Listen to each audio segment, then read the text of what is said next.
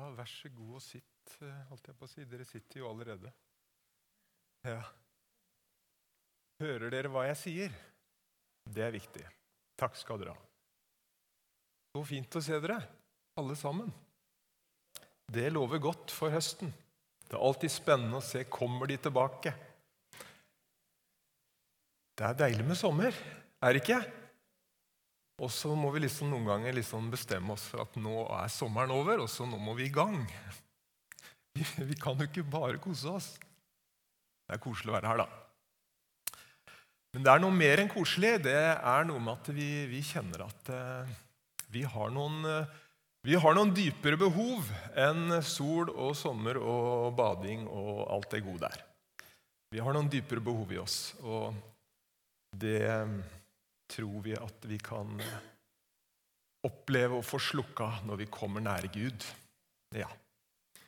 Så fint å være sammen. Ja, jeg så Henrik og, og han Vegard. De sto i shorts her. Jeg vurderte aldri shorts i dag.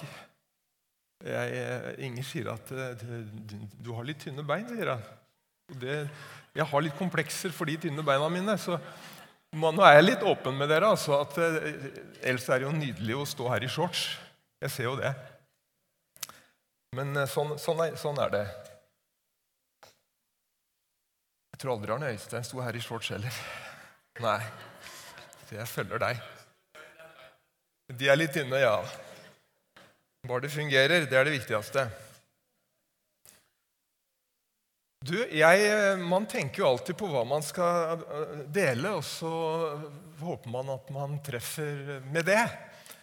Og øh, Nå er jo høsten foran oss, og jeg hadde vel tenkt at jeg liksom skulle si noe som liksom kan samle oss litt. og um, Hva skal vi si? Litt sånn overskrift over høsten, over det som ligger foran, og litt sånn. Så da, da landa jeg på den overskriften her. Menigheten er til for å velsigne verden. Det er jo en veldig sånn svær greie, da. Men eh, det kan være fint å løfte litt opp hva er det egentlig vi holder på med? Hva er menighet? Hvorfor kommer vi sammen? Og eh, jeg har også lyst til å løfte opp det som vi har samla oss om i evangeliet. En sånn parole eller en visjon, som noen vil kalle det. Hvorfor er vi her? Hvorfor kommer vi sammen? Hvorfor bruker vi tid? Hvorfor gir vi av våre penger? Og Da har vi brukt den her i noen år. Jeg syns det er veldig mye bra i den. Vi er her for å føre mennesker et skritt nærmere Jesus. Og til søndag skal vi faktisk ha dåp her, som Inger sa. Og eh, det er liksom en sånn konkret ting som synliggjør at eh, her har vi vært med på noe.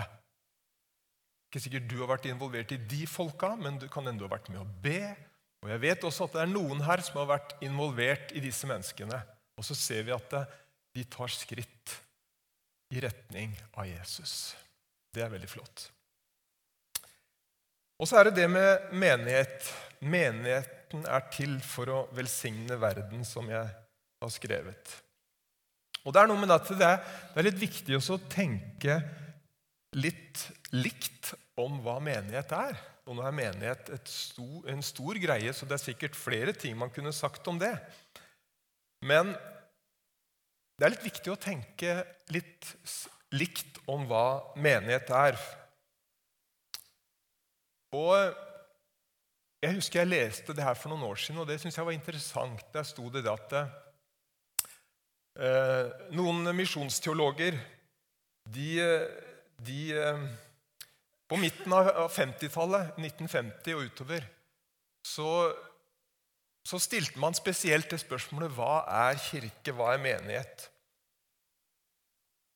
Og så havna man på det at eh, kirken, eller menigheten, er ikke noe som bare driver med misjon, men menighet er misjon. Det er på en måte menighetens natur.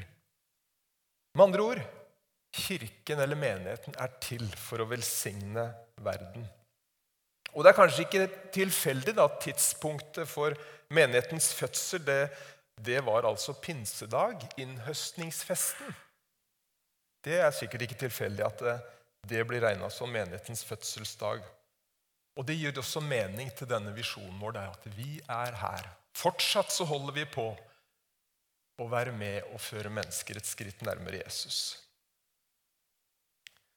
Og det er noe med det at jeg, jeg vet ikke hva du tenker om menighet, men jeg tror i hvert fall det er viktig at ikke vi ender opp med en tanke om at menighet det er et oppbevaringssted for oss troende inntil Jesus kommer igjen. Et sted hvor vi kan bli beskytta mot synd og ugudelighet. Og jeg tror at menigheten er viktig for eh, vi som tror. Så absolutt. Men at Guds hensikt ikke først og fremst var et sånt oppbevaringssted, men at det skal være en base hvor vi kan bringe velsignelse ut til samfunnet rundt oss. Ut der hvor du er i din hverdag. Det står om Jesus. Han gikk rundt og gjorde godt. Han var en velsignelse der han var. Det er en, en som forholdsvis ofte blir sitert, og det er en som heter Bonhoffer, som var prest under krigen. Han kjempa mot Nazi-Tyskland og Hitler og det som var der.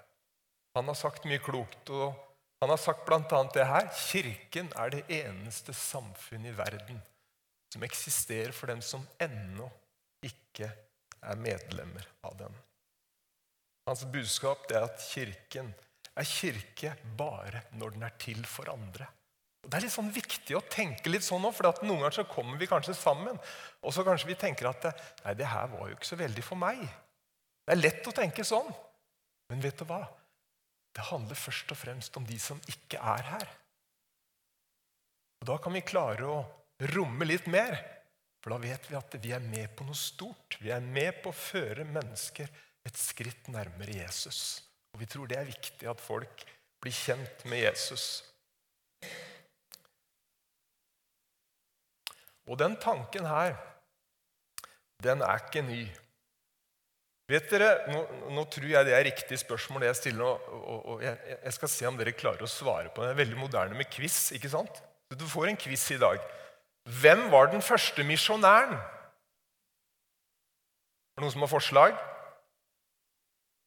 Henrik han har, han har et forslag. Skal vi la han få lov til å svare? Du, det var ikke det svaret jeg hadde håpa på. Vi gir den et halvt poeng. Er det noen som har et annet forslag? Ruth Wenche? Ja, det er et godt forslag, det, men jeg tenker lenger tilbake. Nei, det er ikke Adam heller. Jeg tror vi må prøve på sida her. Abraham! Hvem var det som sa det? Oi, det er Ulefoss. Det er altså knockout på folka i Porsgrunn her. Det er, det er, det svaret jeg i hvert fall var ute etter. Det er Abraham. Og jeg har lyst til å ta med oss inn i denne historien, som de kaller for slektshistorien, og dette med Abraham. Og det er historien om Jakob som velsigner farao. Hvis du har lest i Gamle Testamentet, så kanskje husker du den historien. At eh, det er en veldig spennende historie, fordi at eh, Gud hadde talt til Abraham når Gud utvelger Abraham. Abraham var jo bestefar til Jakob. Og så sier han at eh, 'Jeg vil velsigne deg, og du skal bli en velsignelse'. Det var på en måte budskapet til han, og det var løftet til han. Og så leser vi jeg vet ikke hvor mange år seinere, men så leser vi om dette at en dag så står faktisk Jakob, barnebarn til Abraham, som hadde del i det samme løftet, så står han Tenk deg det! Han hadde ikke drømt om det. Så står han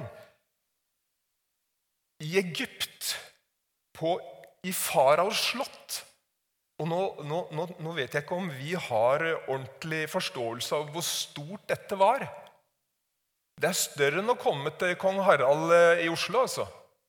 Det er Egypt. Det var på en måte stormakten på denne tida. Det var liksom verdens sentrum. Så står plutselig Jakob der.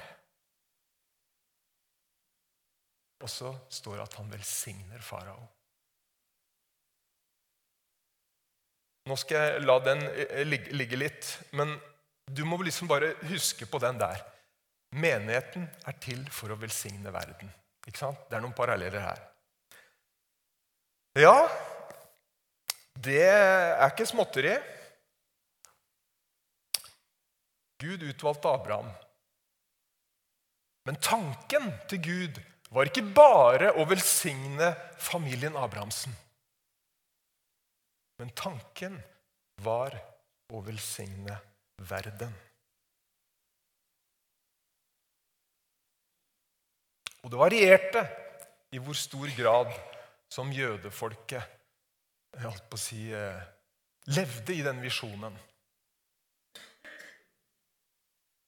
I gode perioder så var det kanskje mer, mer opptatt av å holde avstand til folkene rundt seg. Men så ser vi noen sånne glimt oppimellom. Og det jeg nettopp fortalte om Jakob, det er virkelig det store glimtet. Sånn som jeg ser i første Mosebok. Og nå har vi jo Josef òg, da. Du, du, tenker sikkert fortere enn jeg snakker nå, at det, han hadde jo virkelig kommet inn i dette med å velsigne verden. Han, han, han redda jo en hel verden fra, fra død og sult, for det var hungersnød. Men det skal jeg ikke snakke om. Nå skal jeg lese Skal vi se Jeg skal lese den teksten. Se her. Det som jeg nettopp refererte til. Josef førte inn Jakob, sin far, og fremstilte han for farao. Og Jakob velsignet farao. Farao spurte Jakob, 'Hvor mange er dine leveår?' Jakob svarte farao, 'Mine utlendighetsår er 130. Få og onde har mine leveårs dager vært.' Har nådd, de har ikke nådd mine fedres leveår i deres utlendighet. Jakob velsignet farao, og så gikk han ut fra farao. For meg så er dette sånn profetisk bilde som jeg fikk for noen år siden, som jeg har tatt, tatt med meg og jeg ser for meg at vi skal også få lov til å være med og berøre våre omgivelser. Med Guds velsignelse. Med godhet, med håp, med trøst. At vi kan få være med og be også for syke mennesker.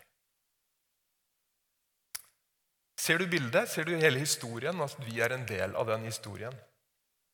Jeg bare si noen ord om at eh, Jakob var en bærer av Guds velsignelse. Det er noe som heter å være bærer av smitte, og det er noe forferdelige greier.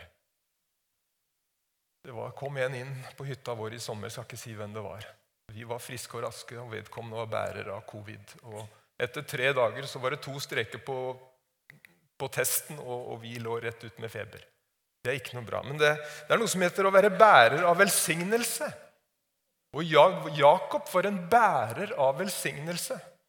Og, og, og, Helt fra han var ung, så var Jakob opptatt av velsignelsen. For han visste at det, det er noe som vil gjøre noe med livet mitt. Det er noe jeg vil ha tak i. Du kan lese historien om uh, Han brukte midler som ikke er å anbefale. Men han var veldig opptatt av å bli velsigna. Og han ble velsigna både av Gud og mennesker. Allikevel så tyder det på at livet til Jakob ble ikke helt sånn som han hadde sett for seg. Kjenner du deg igjen? Og så må du se disse to, da. Farao og Jakob. Og Når du ser de to sammen Den haltende Han, han halta jo. Den haltende og, og den prøva Jakob, for det var det han har vært. Han har vært gjennom mye som var krevende og tøft. Og med hans ufullkomne familie, for det var en skikkelig des, hva kaller du det? dysfunksjonell familie. Kan nesten si det, altså. Det var mye greier med den familien. Når du ser Jakob da sammen med den vellykka og overdådige fara, skulle man tro at det var farao som var velsignet, og ikke Jakob. Men det var ikke det. Og Hvorfor sier jeg noe om det? Det er jo fordi vi noen gang kanskje danner oss et bilde og en mening om hvordan livet skal se ut for meg som er velsigna. Vet du hva? Jakob var velsigna, han. Han var velsigna både Gud og mennesker. Og han var en bærer av velsignelse. Og bare for å minne deg om det Når du har tatt imot Jesus, så sier Bibelen at du er velsignet med all himmelsk velsignelse i Kristus Jesus. Og jeg tror du er mer velsigna enn du er klar over.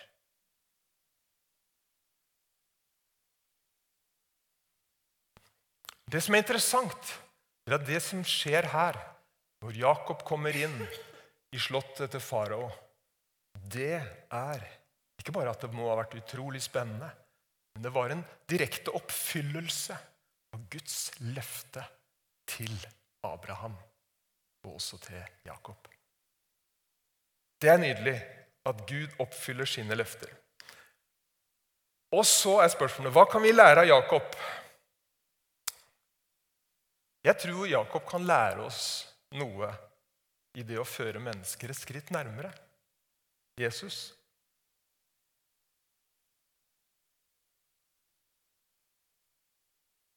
Punkt 1. Jakob trengte å møte Gud, skrev vi opp. Det er sånn noen ganger at det, når du opplever en del ting, sykdom, Eh, vanskeligheter i relasjoner. Det var ikke det du hadde sett for deg. Og så opplever du på en måte at eh, Gud er langt borte. Og så Kanskje du hadde noen sånne drømmer når du var yngre, og så forsvinner de sakte bort.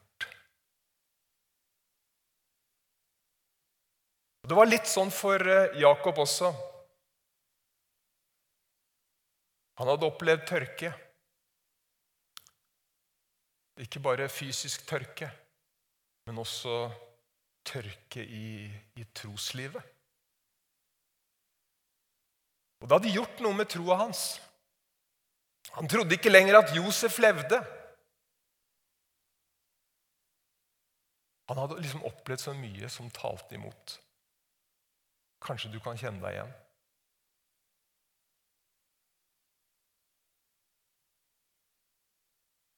Det er mye snakk om eh, kraft og kraftmangel om dagen. Nå skal ikke jeg male det ut.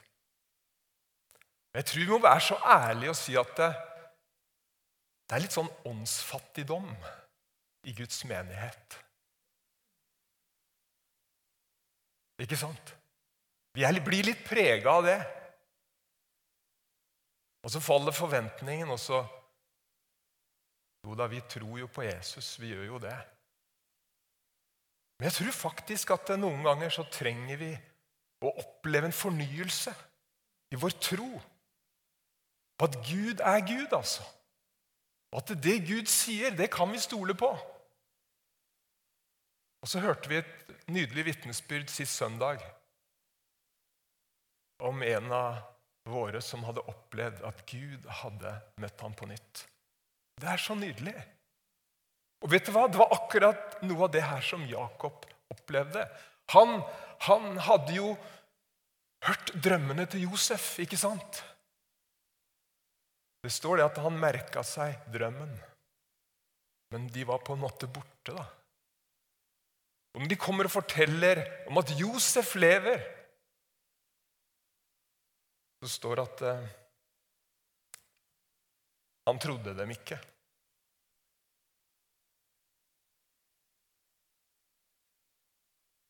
Han trodde ikke lenger på ham. Men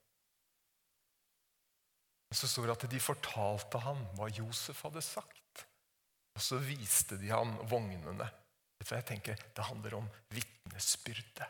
Du som har opplevd Jesus, du som har opplevd at han har gjort noe nytt i livet ditt. Vær fremodig. Si fra. Del det med forsamlingen, del det med andre. Sånn at vi kan være med å gjenopplive troen hos hverandre. Og det var det som eh, skjedde med Jakob. Det står hans hjerte var og ble kaldt. Han trodde dem ikke. Men så fortalte de ham alt om det Josef hadde sagt. Og da han så vognene som Josef hadde sendt til å hente ham i, da ble deres far Jakobs ånd opplivet. ikke det flott? Han opplevde å møte Gud på nytt. Jeg syns det er litt sånn fint å løfte det litt fram. Nå skal ikke vi lage noe problem av det. Men vet du hva? Det er mer land å innta. Vet du hva? Nå har vi lyst til å sette litt fokus og snakke litt om det med Den hellige ånd noen søndager framover. Vi tror det er faktisk noe sånn at når vi snakker om Den hellige ånd, da kommer Den hellige ånd. Og når vi glemmer Den hellige ånd, da blir på en måte det blir litt borte. Vi trenger å løfte opp det. Vet du hva? Jeg, jeg, jeg trenger det noen ganger. Jeg. Og vet du hva? Jeg, jeg opplevde i sommer at Gud fornya meg ved Den hellige ånd. Og det var så nydelig. Opplevde Jeg tror Gud så jeg trengte det. Ja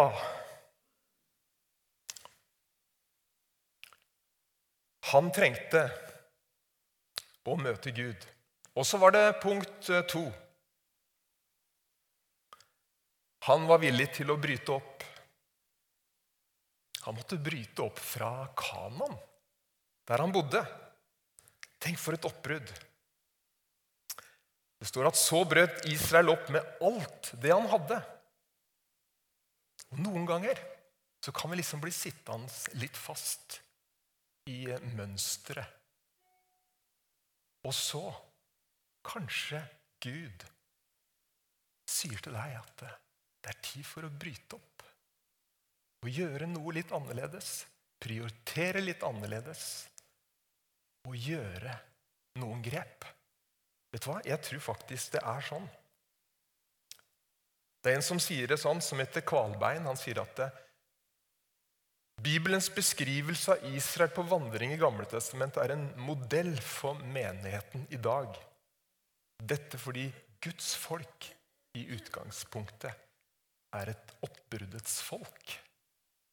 Var det ikke sånn det var når de gikk rundt i ørkenen også? De blei der en stund, og så flytta skyen seg, og så måtte de følge etter. Vi må ikke bli så etablert i vår måte å leve på at ikke vi kan gjøre noen oppbrudd når vi merker at Gud hvisker noe inn i øret vårt om at det er noe vi skal gjøre. Vet du hva? Det kan Jakob lære oss litt om. Han brøyt opp med alt han hadde. Og hvorfor gjorde han det? Hvorfor må vi gjøre det? Det er fordi han måtte komme i posisjon til å velsigne farao. Omgivelsene sine, den verden som han var en del av.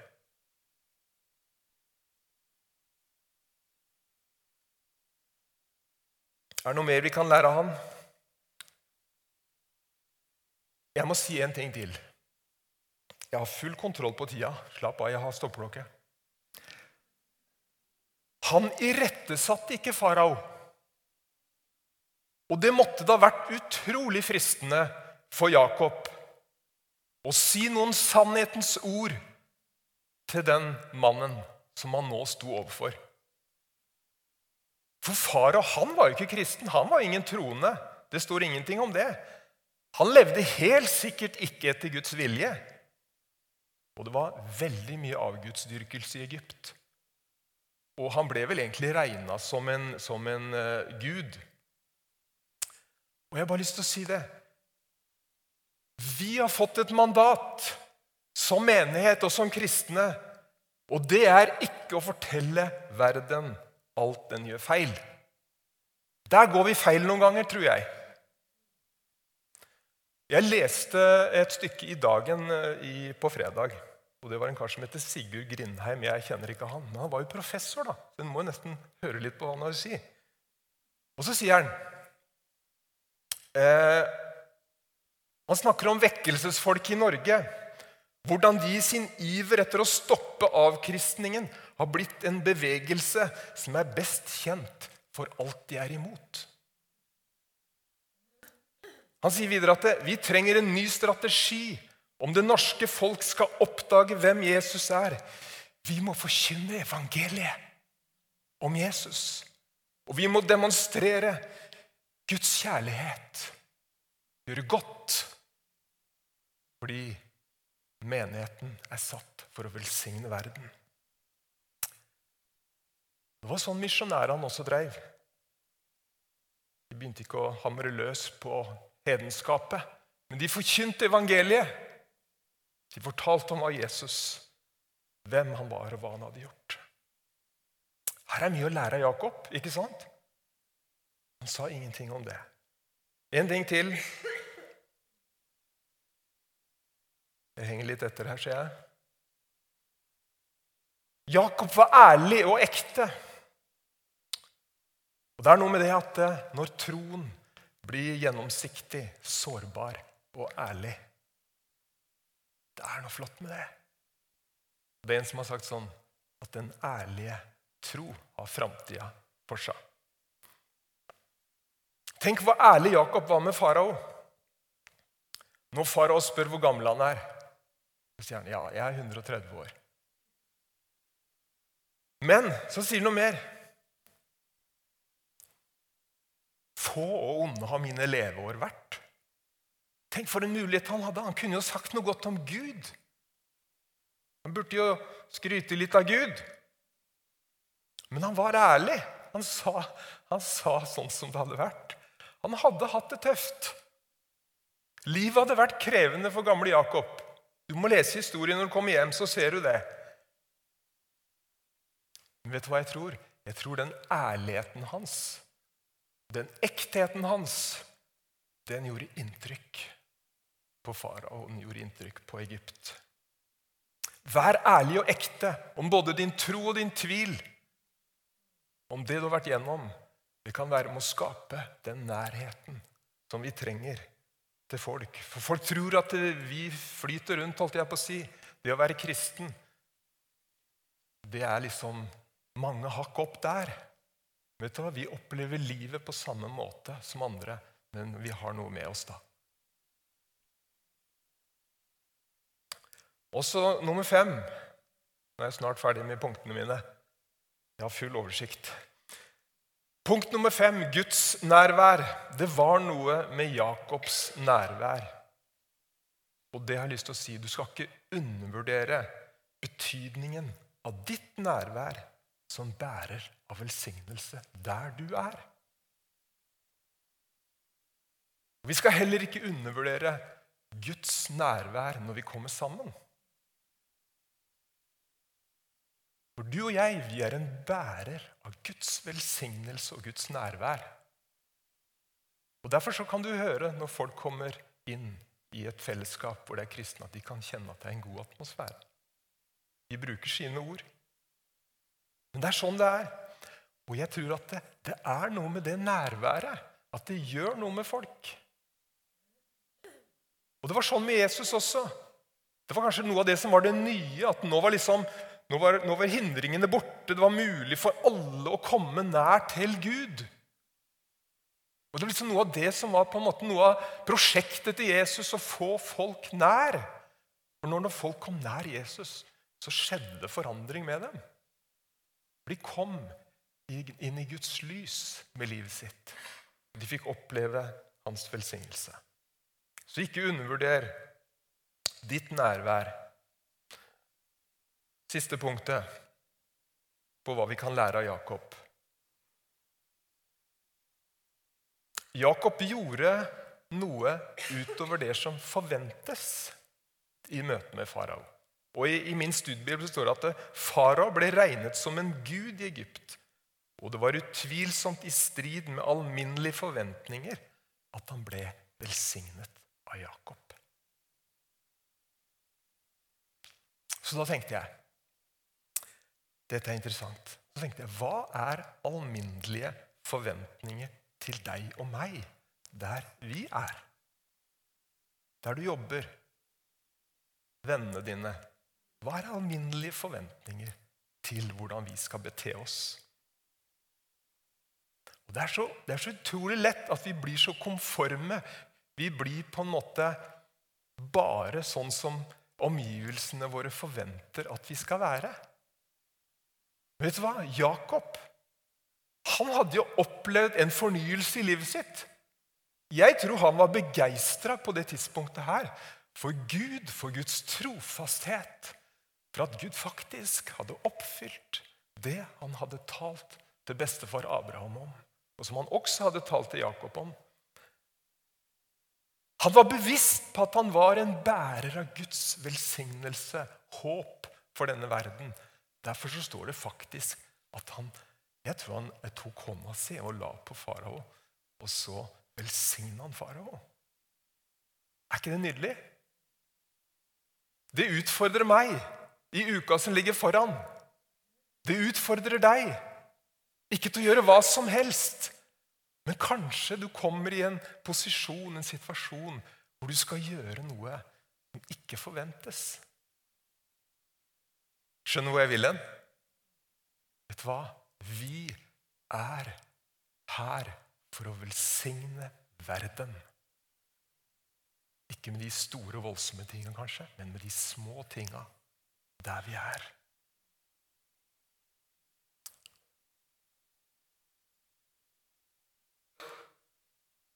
Husk at menigheten er til for å velsigne verden. Og Du er ikke for gammel, det kan jeg bare love deg. fordi at eh, er du under 130 år, så funker det her. Ikke sant? Jakob var 130 år når han sto for farao. Og så er det noe med det som jeg har lyst til å avslutte med. Det handler ikke først og fremst om oss. Det handler om Gud. Han som står bak. Det er Guds prosjekt. Menigheten er Guds prosjekt. Og dette velsignelsesprosjektet, det er Guds.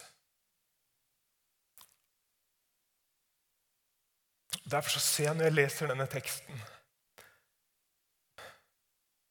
si Jakob han var på en måte utspilt på et tidspunkt i livet sitt. Han var på en måte, han opplevde seg sjøl parkert på sida, glemt. Han hadde ingen stor funksjon. Han så at livet gikk mot slutten. Vet du hva? Gud er Gud som står bak. Og det var det Gud som hadde sagt det, at du skal bli en velsignelse. Og det har jeg lyst til å si til deg, og det opplevde jeg at jeg fikk rett før jeg kom inn her i dag. Jeg tenker liksom, Hvordan skal jeg avslutte det møtet her? Jeg er ikke så veldig flink på sånne voldsomme avslutninger. Men jeg, jeg kjente at jeg fikk det at det, det kan hende at du har opplevd mange ting som på en måte taler mot dette budskapet. Men jeg har lyst til å si til deg at Gud er mektig til å la deg bli en velsignelse. På en måte som ikke du har sett for deg.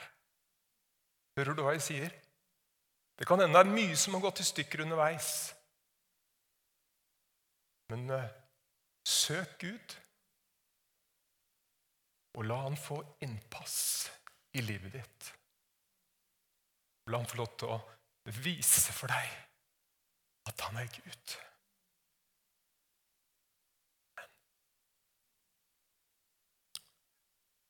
Amen, Herre. Vi takker deg at vi kan få lov til å vende våre øyne bort, bort fra oss sjøl. Vi blir noen ganger ikke så oppbygd alltid å se inn i oss sjøl, men vi kan vende våre øyne mot deg i dag. Og takk for at uh, du, er, du, var ikke bare opptatt av Abraham og Isak og Jakob, men du er opptatt av oss i dag. Du er opptatt av denne visjonen din mer enn noen gang. Og jeg priser deg, Herre. Du ser vi, vi ser ikke de store tinga iblant oss, men vi tror på deg, Herre. Og Vi tror at det er du som står bak, og vi ber om at du skal la ditt ord plante seg inn i oss i dag. Og så skal du tale til oss hver enkelt. Og så skal du ta oss med videre og vise oss vei. Du ser, hvis troen nærmest er borte, så skal du skape en ny tro.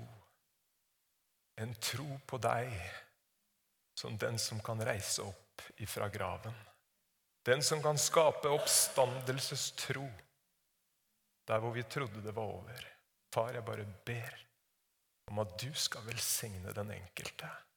Du skal gjøre oss til en velsignelse. Jeg priser deg, og jeg ber for hver enkelt her at de skal få lov til å være en velsignelse der de er. I familien sin, Herre. Blant venner og blant naboer.